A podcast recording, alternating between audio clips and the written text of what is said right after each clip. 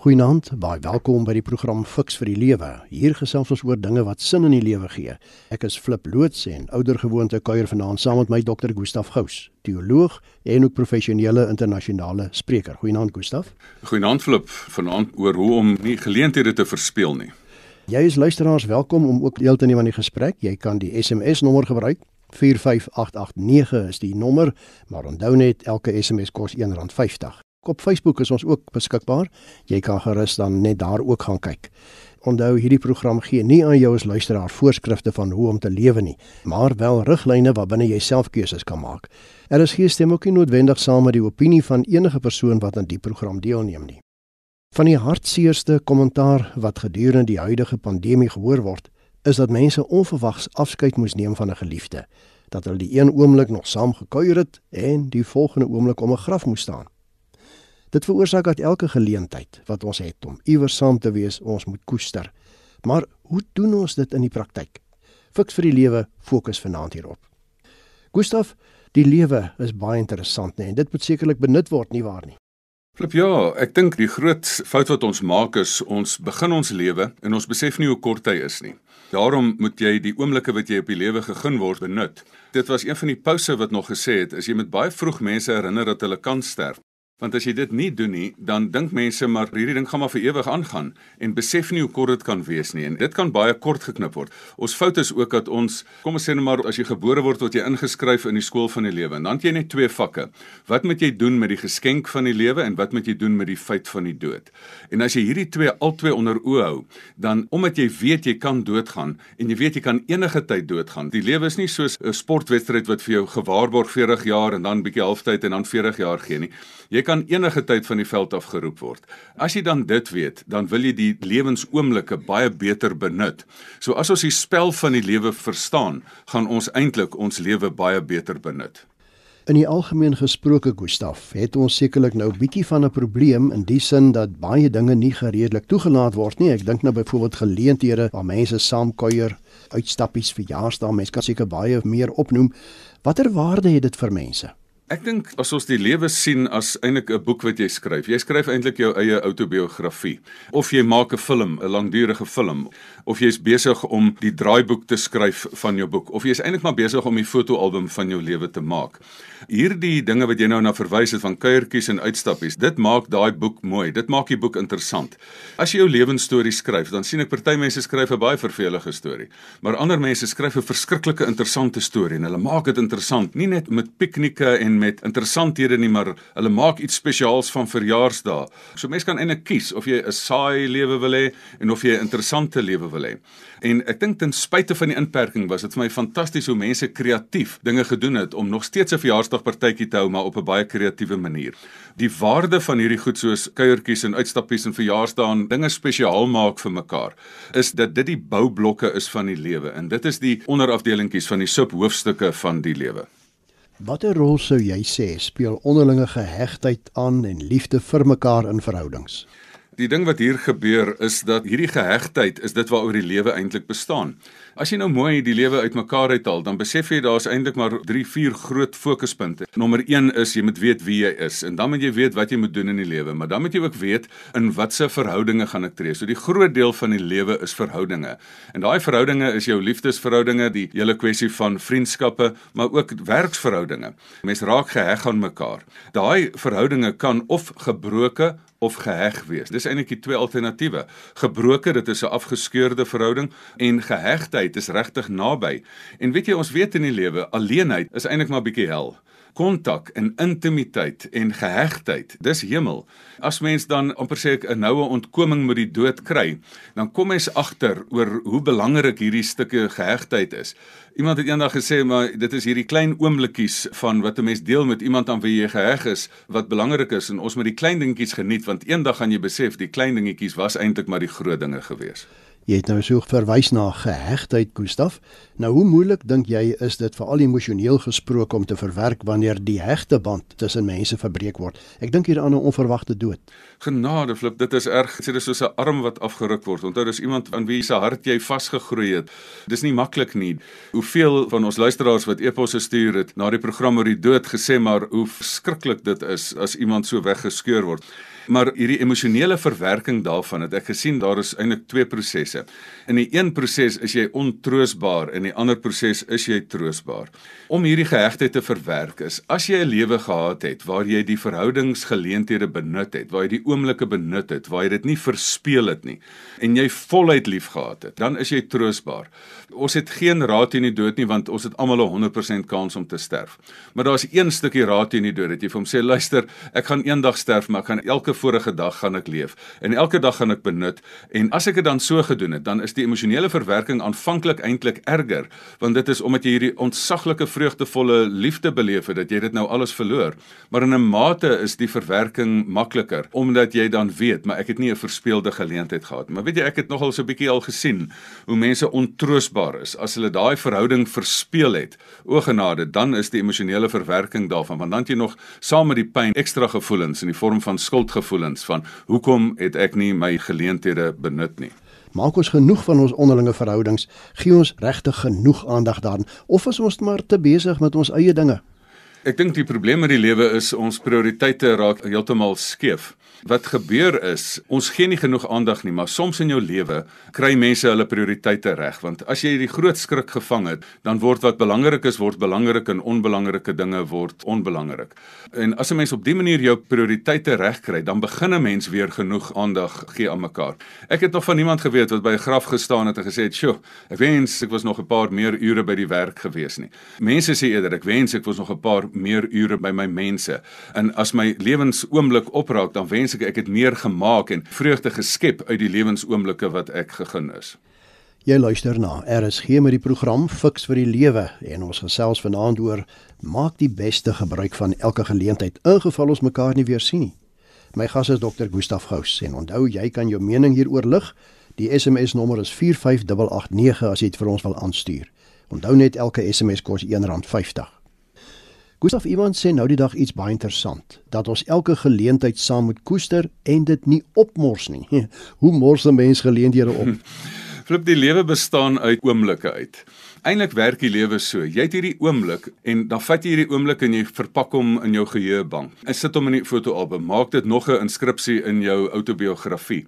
Mens bou eintlik jou geskiedenis. En hierdie oomblikke is die bakstene in jou lewe. En die mense bekommer hulle heeltemal te veel oor die oomblikke in hulle lewe in plaas daarvan dat hulle bekommer hoeveel lewe is daar in elke oomblik. Want ek wil nie net so my interessante boek wil ek net so elke 10de bladsye interessante mooi oomblikke hê nie. Ek het 'n intensiteit van omdat mens weet wie gaan dood, wil jy van elke oomblik iets maak. Maar hoe mense dit verspeel.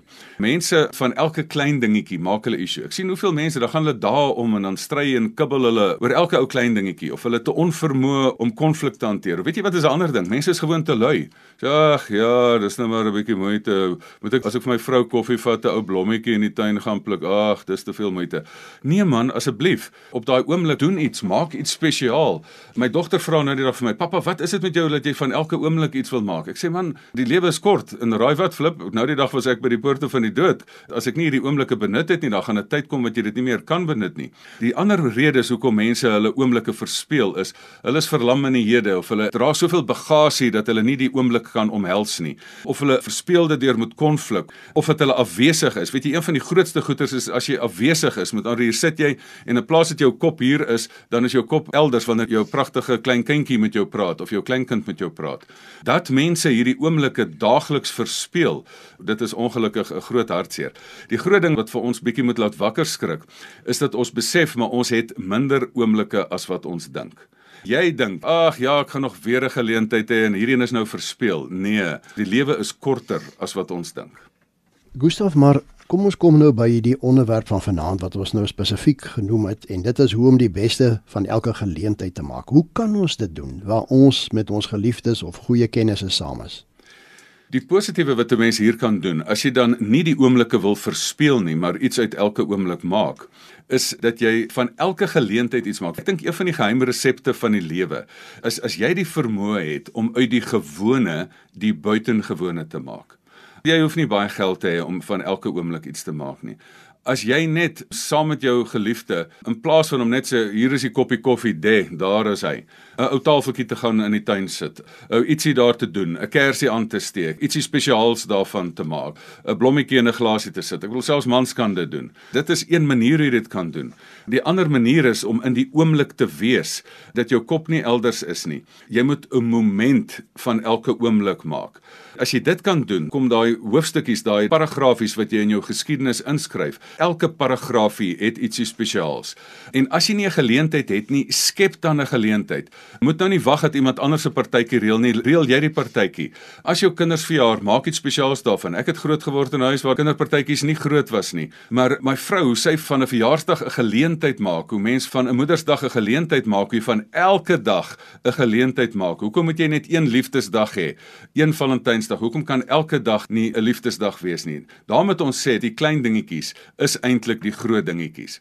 Om van die beste van elke geleentheid te maak is nie moeilik nie. Dit vat nie geld nie. Jy moet net elke oomblik met jy sê, luister, gaan ek hierdie kommunikasie geleentheid iets spesiaals maak. As iemand met my klaar is of as ek met iemand klaar is, gaan iemand groei of van die persoon bloei. Kan ek met 'n woord vir iemand oprig? Kan ek met 'n daad vir iemand daar wees? Kan ek met 'n fisiese stuk aanraking vir iemand 'n stukkie troos gee?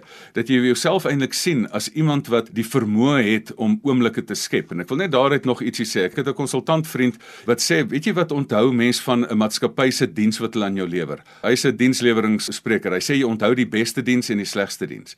En weet jy wat onthou mens van die lewe? Jy onthou die slegste oomblikke en jy onthou die beste oomblikke. As jy net slegte oomblikke laat gebeur en nie beste oomblikke skep nie, dan het jy nou maar 'n baie slegte herinneringsboek as jy terugkyk in jou lewe. Ons het hier in die begin van die program Gustaf gesê dat die lewe is vol geleenthede. En ek lees nou dat iemand skryf in hierdie COVID-19 tyd moet ons nie tyd mors in ons verhoudings op dinge wat nie saak maak nie. En dan hierdie woorde, ons moet ten volle teenwoordig wees in die oomblik. Hoe doen 'n mens dit? Een Engelse motiveringssprekersvriend wat ek het in Engeland, die man se naam is Nigel Risner. Hy sê when you are in the room, be in the room. Met ander woorde, as jy hier is, wees teenwoordig sit die selfoon neer, kyk iemand in die oë. Moenie so ver af karoo kyk in jou oë het as jou kind met jou praat terwyl jy aan iets anders dink nie. Fokus op die persoon voor jou. En weet jy, een van die maniere om ten volle teenwoordig te wees is om seker te hê dat jou lewe nie so vol gepak is dat jy nie tyd het om aan die persoon aandag te gee nie. Ek het nogal 'n ding by my vrou geleer wat joernalis is en wat weet van blad uitleg en sy sê mam, mense het wit spasie nodig op 'n bladsy. Anders is die ding te vol. So jy moet nie net 'n hele lewe hê van krisisbestuur nie, want as jy krisis bestuur, dan kan ek nie hier teenwoordig en ek wil daar teenwoordig wees en ek voel nou ek moet vinnig daai vuur gaan doodslaan.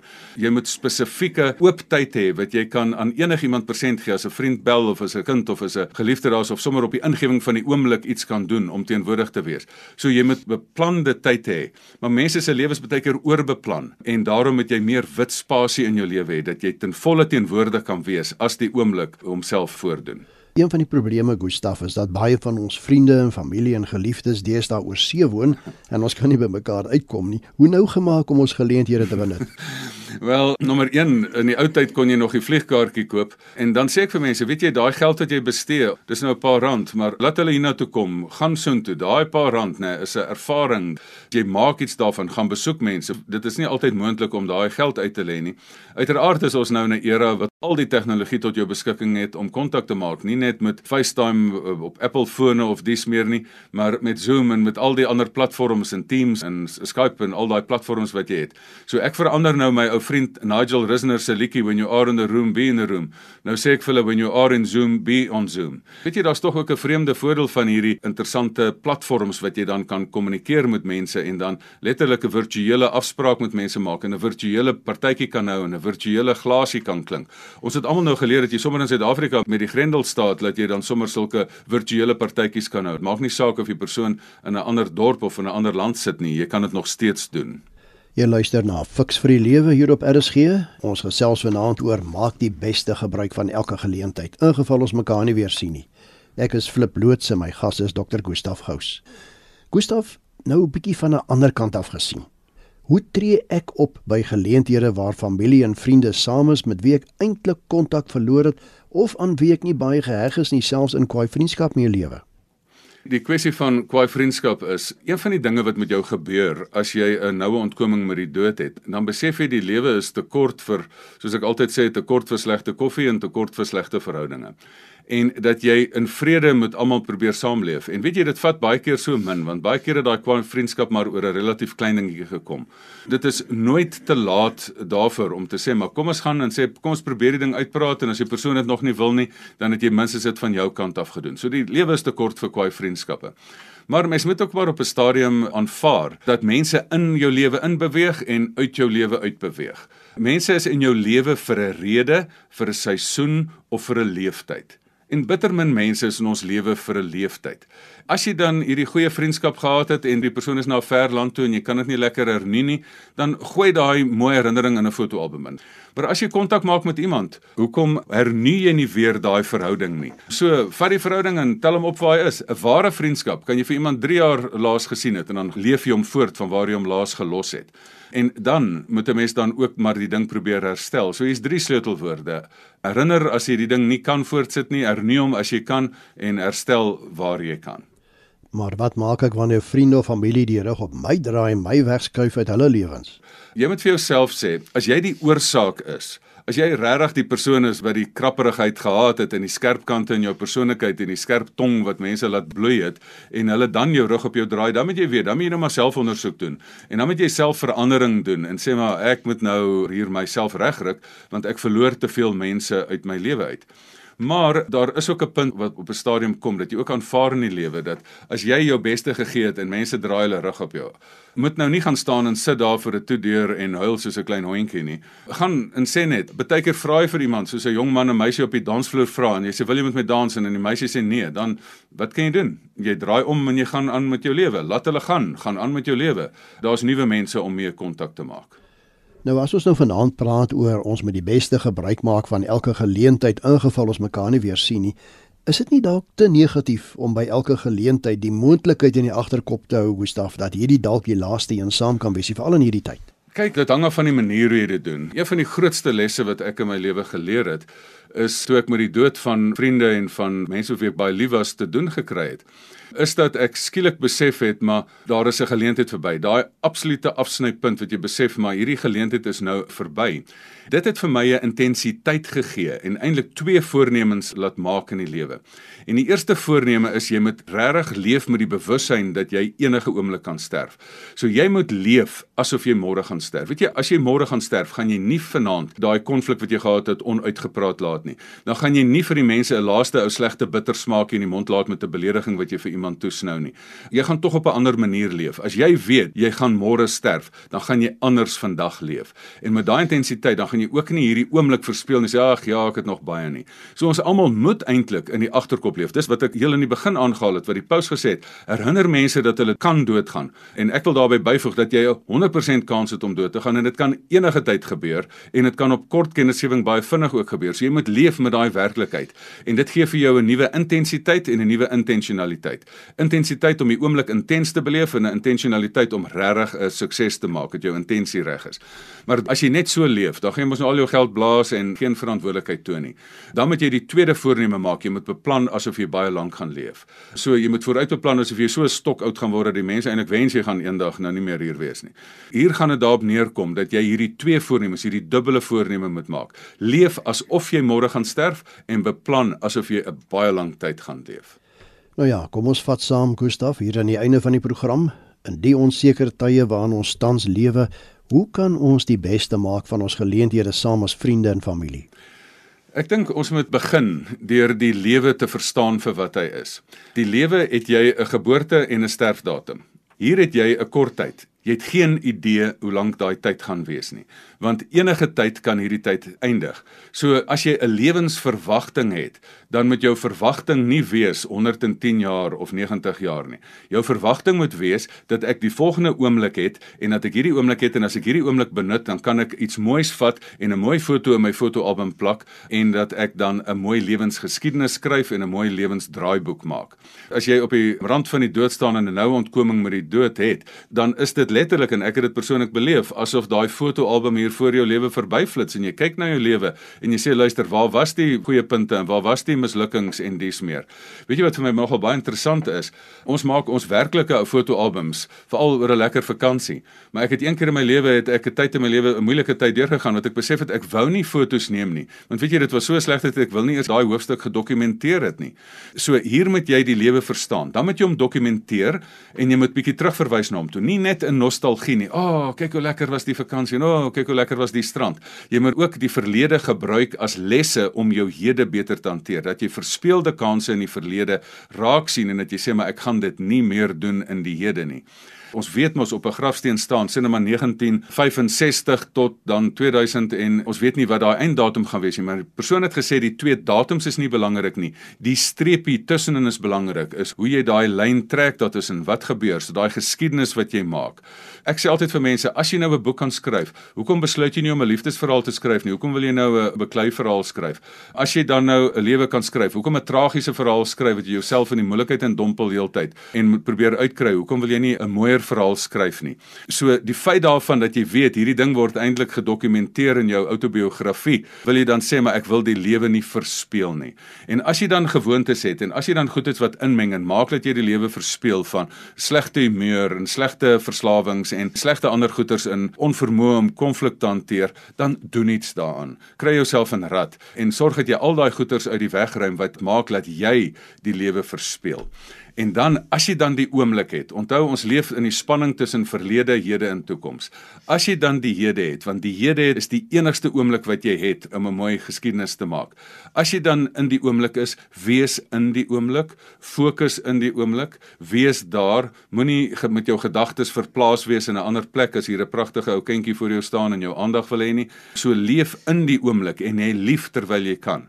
Die laaste is maak dan uit die gewone die buitengewone. En dit het ek nou dag vir my dogter gesê, jy moet verstaan, jou pappa wil van elke oomblik iets spesiaals maak. Ek wil nie baie oomblikke in my lewe hê nie, ek wil baie lewe in my oomblikke hê. En dan as jy van die gewone die buitengewone kan maak, jy hoef nie baie geld te hê nie om dit spesiaal te maak. Ek wil afsluit net basies deur te sê, jy moet passievol leef, jy moet voluit lief hê en jy moet baie goed beplan dat jy elke oomblik iets van die lewe maak. Jy moet intentioneel elke oomblikie vat en sê maar wat gaan ek hier maak? Gaan hierdie 'n stukkie mooi geskiedenis wees of slegte geskiedenis wees? En as jy voluit lief hê en voluit leef, raai wat? Dan gaan jy eintlik vir die dood 'n streep trek. Want die dood is die ding wat lewe wil wegneem. En as jy gelewe het in volle dan kan die dood selfs dit nie wegneem nie. En as jy agterbly en jy die mooi herinnering daarvan dan kan die mooi herinnering daarvan jou ook aanmoedig om nuwe hoofstukke te skep in jou lewe. Dit dan vanaand se fiks vir die lewe. Baie dankie dat jy as luisteraar saamgekuier het. Dankie ook aan my gas Dr Gustaf Gous vir sy bydraes. En Gustaf, weer 'n keer as ons luisteraars verder met jou wil kommunikeer, hoe kan hulle dit doen? Ag weet jy dis vir my die heel lekkerste ding om mense te help om voluit te leef en hierdie negativiteit agter hulle te sit en proaktief vorentoe te leef. My e-posadres gustaf@gustafgous.co.za. Partykeer onthou mense dit makliker net gustafgous@gmail.com en uiteraard gous sonder 'n w. En my kontakinligting flip by mediafocus.co.za.